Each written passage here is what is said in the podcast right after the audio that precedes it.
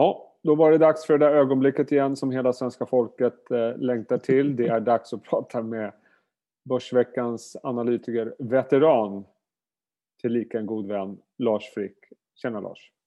Tjena Jesper! Eh, Läget? Jag, jo, det är bra. Det är bra. Det är bra. Jag tänkte att vi ska prata om ett par rapporter som kom mm. under onsdagen och sen ska vi prata om ett annat bolag som ni har skrivit i Börsveckan om och framförallt två av de här har ganska mycket gemensamt, tycker jag. Det kanske mm. får rätta mig om jag har fel. Men vi börjar med det här omåttligt populära bolaget och aktien Nibe som kom med en rapport som jag tycker såg bra ut. Bra topline. Mm. Det som jag mm. imponerades mest av är att faktiskt att eh, tittar man på lönsamheten rullande 12 månader så börjar den stiga igen. Det har ju varit lite så mm. negativ trend där. Men man får ändå säga att Gert-Erik levererar, eller hur? Absolut. Men den slog ju förväntningarna framförallt på lönsamheten och lite grann på, på topline. Men jag tycker att eh, de siffror de presenterade var väl knappt 7% i tillväxt. Eh, 12 steg vinsten före skatt. Så det är riktigt bra. Det är covid-tider och i min värld då så kan man ju tänka sig att fall delar av den här verksamheten borde vara ganska tydligt påverkat. Det är svårare med installation, man kanske inte har prioriterat produktområde som man tänker på ja, ish då möjligtvis.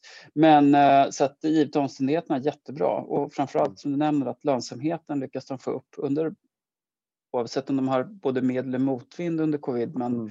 men det är ju utmanande tider kan man nog lugnt säga. Så ja, eh, fantastiskt eh, skickligt bolag. Mm. Dessutom såg jag att man återför, återinför utdelningen också. Precis. Vilket är ett bra tecken. Det är glatt. Mm.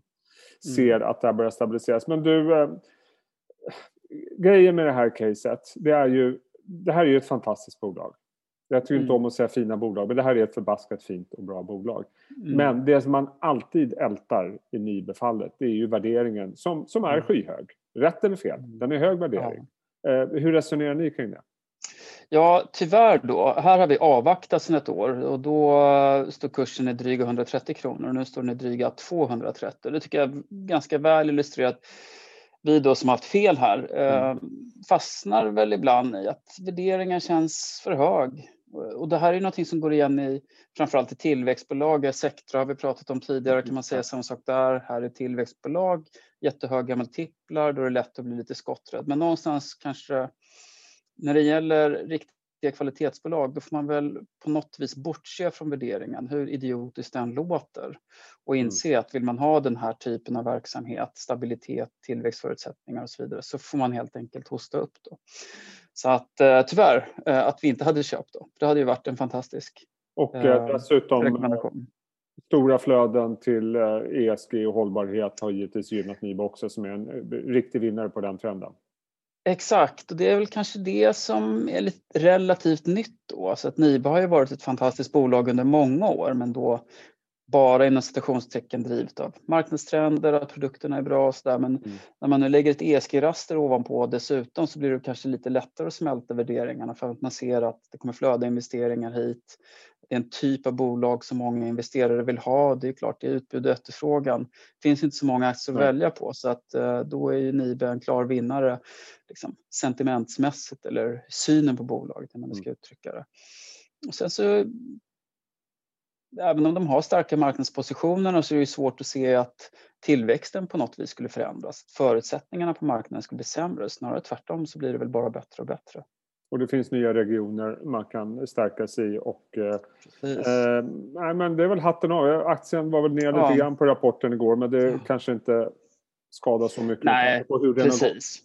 Ja man får ju se det i lite längre perspektiv. Mm. Så att det var ju höga förväntningar som jag tycker de mötte. Och det kanske också är det här lite som är dilemmat att om man tänker sig värderingen så kan man tänka okej okay, vad är chansen att överraska positivt nästa kvartal eller nästa år? Och, ja, det kanske inte är så stora positiva överraskningar men det är väl så här att resultaten tickar in och hela tiden lite bättre så får man de här gradvisa uppgångarna. Så liksom det smyger på. Förstår du vad jag menar? Att det inte riktigt ja. så att det är någon stor förändring som gör att vi höjer aktiekursen med 40 procent utan det är snarare att de liksom knaprar in i värderingen med sin tillväxt mm. och, och lönsamhetsförbättring. Så.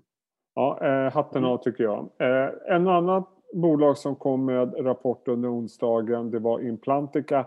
Eh, om man ska vara ärlig, det är ganska ointressanta rapporter från den här typen mm. av bolag som fortfarande väntar på sin mm. kommersialisering. Men jag tänkte det är lite mm. kul att ta upp det här ändå, för jag vet att ni har tittat på det och det är ett bolag som, eller en aktie som kom in på börsen september tror jag det var, va? På, till First Precis, North.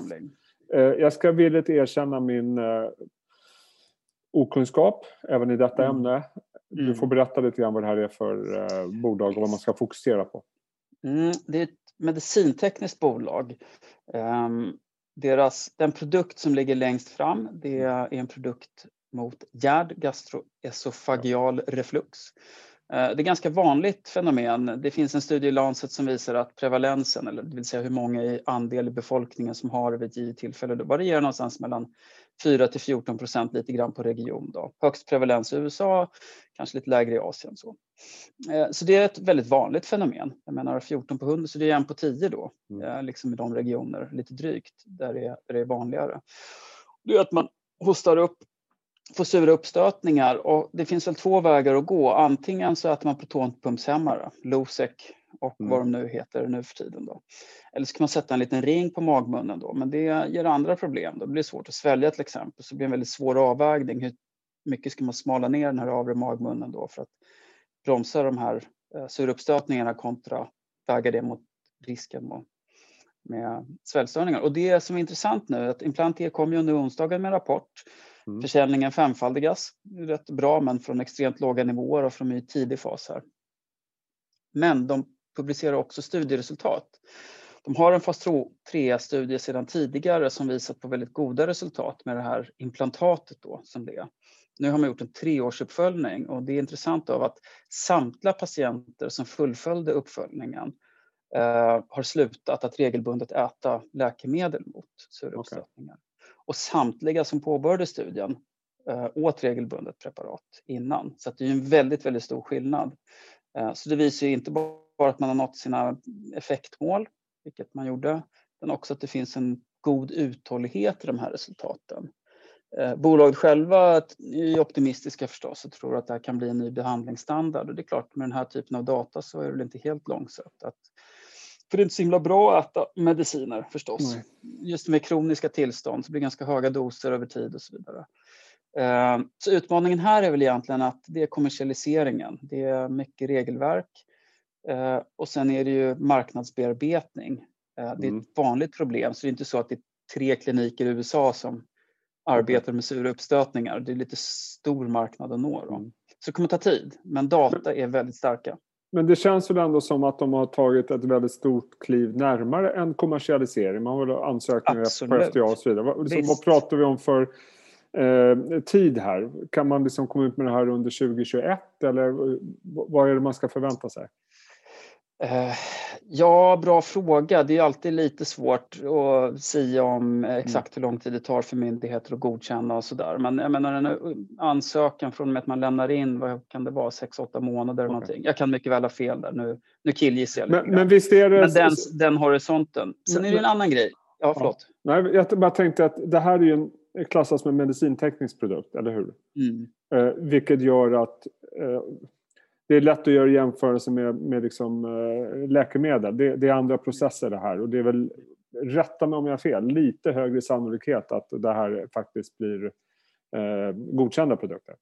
Ja, jo men så är Generellt. det. Tittar man på aggregerad statistik så är det ju lättare inom citationstecken då, inom ja. medicinteknik. Och det skulle jag säga att utmaningen kanske är mer åt det kommersiella hållet då. Att ett läkemedel som blir godkänt går ju snabbt att nå hög mm. marknadspenetration. Mm. Här är det ju inte riktigt samma sak. Nej.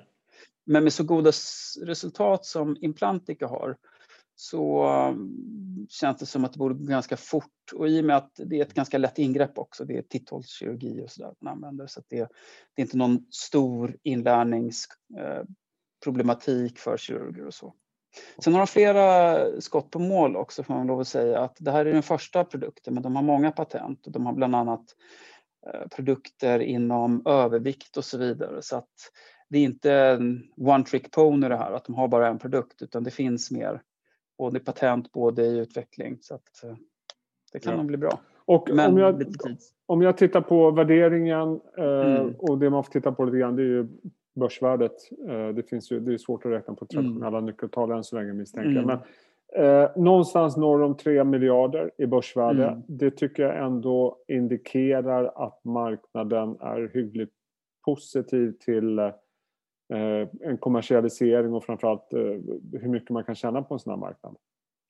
Eller? Absolut. Och det har väl att göra med, och jag tycker ändå att det är en rätt modest värdering med tanke på hur enorm marknadspotentialen är. Om, om det är som sagt en prevalens på mellan 4 och 14 per 100. Mm. Och det är klart, sen är det ju ett, in, ett ingrepp som kostar lite pengar så det kanske inte är någonting som primärt kommer i, i utvecklingsländer. Men jag menar, prevalensen är som störst i USA. Där kan man i regel ta bäst betalt också. Så bara USA-marknaden kommer att vara en väldigt, väldigt stor potential. Um, och med tydlig patientnytta så är det ju ett rätt enkelt, så det är inte något jättedyrt ingrepp. Det är inte som man tänker sig individualiserad medicin och genterapier där kostnaden för en behandling handlar om miljoner utan det är något relativt billigt ingrepp. Så blir det ju också lättare att få, tror jag, komma med i, i olika såna ersättningssystem och försäkringsbolag. Okay. Eh, spännande, ja. kul att följa. Ja, du, eh, vi avslutar med en aktie som ni ser var i senaste numret, också ett forskningsbolag Mm. Eh, Caliditas.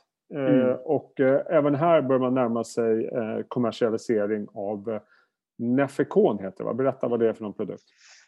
Precis, det är, Caliditas är verksamma inom njursjukdomar då, mm. nefropati. Och en, det här kallas IgA-nefropati. Och det betyder egentligen att njurarna, det är liksom en filtreringsapparat så det är väldigt känsligt då. De trasar sönder lite grann när man har den här IgA-nefropatin. Och jag menar, slutstadiet för eh, sådana här njursjukdomar det är ju transplantation. Mm. Eh, och resan dit är väldigt besvärlig för att om inte njurarna fungerar som man ska då måste man gå på dialys. Det gör man flera gånger i veckan så det är en enorm börda för både patient och sjukvård. Eh, och man mår inte så bra har jag förstått heller perioderna mellan de här mm. Eh, dialystillfällena. Då. Så det är väldigt allvarligt och här finns det inga sjukdomsmodifierande läkemedel, alltså någonting som liksom tar bort sjukdomen utan man kan jobba med symptom. Mm. Så de har fått jättebra resultat. Jag tycker det här bolaget är spännande på, på så många sätt. De har en jättebra ledning, eh, jättebra data, det är förstås det viktigaste som kom här nu, fas 3. Eh, det är ett särläkemedel så det är en rätt snäv marknad som ger fördelar när man ansöker om eh, få godkännande, man kan få längre patenttid, det är snabbare hand, an, ansökningstider och sådär. Och, och det pratar inte branschen så mycket om, men i praktiken är det lite fri prissättning. För ett särläkemedel, då finns det ju nästan per definition inga eller obetydlig konkurrens. Så vad ska man liksom jämföra mot? Kommer med ett nytt cancerläkemedel, du måste visa bättre effekt och det blir ofta då att du kan du ta lite mer betalt och sådär. Mm. Eh, medan som särläkemedel så är det lite oskrivet blad då, så att det blir ofta ganska lönsamma produkter. Eh, och nu har man ansökt om accelererat godkännande så att här handlar det om 2021 så börjar bolaget att sälja. Så fas 3 är den sista fasen i den kliniska utvecklingen har man lyckats med nu. Det är inte hundra att man får godkänt. Nej, det är klart. Så det ska man alltid lägga Men in eh, väldigt, väldigt, precis. Ja. Väldigt hög sannolikhet. Och, och det här är som du säger, marknaden är eh, potentiellt väldigt stor. Det här är, ja. Den värderas till 7 miljarder ungefär, det här bolaget. Tycker du att det är rimligt Precis. utifrån eh, marknadspotentialen? Är det ja, trångt det är, i den marknaden? Nej, det är det inte. Alltså, det är väl det som är en av de stora attraktionerna. Då. Tvärtom så är, har de en, jag ska inte säga ja, unik position. Mm. Bolaget själva värderar USA-marknaden till 2 miljarder dollar. Okay. Där vill man gå. Det är också intressant kommersiellt det här bolaget för att man, man har ett licensavtal eh, i Asien. Mm. Så den marknaden vill man då gå partnervägen. Detsamma gäller Europa, att hitta en partner som sen tar produkten till det kommersiella och säljer. Men i USA vill man bygga upp en egen en, organisation och, och sälja själv. Det betyder förstås mycket större investeringar. Men man fångar också så att säga hela vinstkakan själv istället för att dela med en partner. Så att den här gafflade strategin känns ändå rätt rimlig. Då får man partnerintäkter eh, i Europa och Asien eh, som ger ett kassaflöde och så har man råd och tid att bygga upp egen försäljning i USA. Okay. Eh, de gjorde en stor emission 2019 och de gjorde en stor emission i somras. Så att investerarförtroendet finns ju där också med en så färsk, färsk stor emission. Eh, så jättestark balansräkning, 1,2 miljarder i nettokassa. Men, men är tanken att de ska... gå mot den amerikanska marknaden på egen hand? Eller, Ex, precis. Okay. Vilket är lite ovanligt Så, traditionellt sett. Ja, eller hur? Det är väldigt ovanligt. Um, och där då, till skillnad från Implantica där det är en väldigt mm. spridd marknad så är det här verkligen ett specialistläkemedel. Det betyder att det är relativt få platser där man behandlar IgA-nefropati. Um, och det gör det också lättare att komma i kontakt med relevant ja, läkare, ansvariga. Så att det är en mycket mindre marknad att bearbeta så att man behöver inte bygga upp en gigantisk distributionsorganisation utan snarare handlar det om att bygga starka kontakter med ett fåtal ledande centra. Okay. Ja, så det, det är spännande faktiskt. Med, med balansräkningen så har man ju också finansiella resurser att realisera den här strategin. Ja. Det är trovärdigt. Eh, förbaskat ja, intressant att följa de här bolagen och eh, vad gäller Nibe, det är nya tag där får ni ta. Det är nya tag i Nibe. Vi får se vad vi mäktar med nästa gång vi skriver om det. Bita i det sura äpplet och helt enkelt eh, erkänna Gert-Eriks storhet. Ja, han är en av de populäraste vdarna på eh, börsen måste det vara. Mm. Eh, precis som jag tror du är en av de mest populära analytikerna. Lars Frick, alltid kul att snacka med Du, vi hörs eh, nästa vecka. Absolut. Vi hörs nästa vecka Jesper. Sköt yes. om det.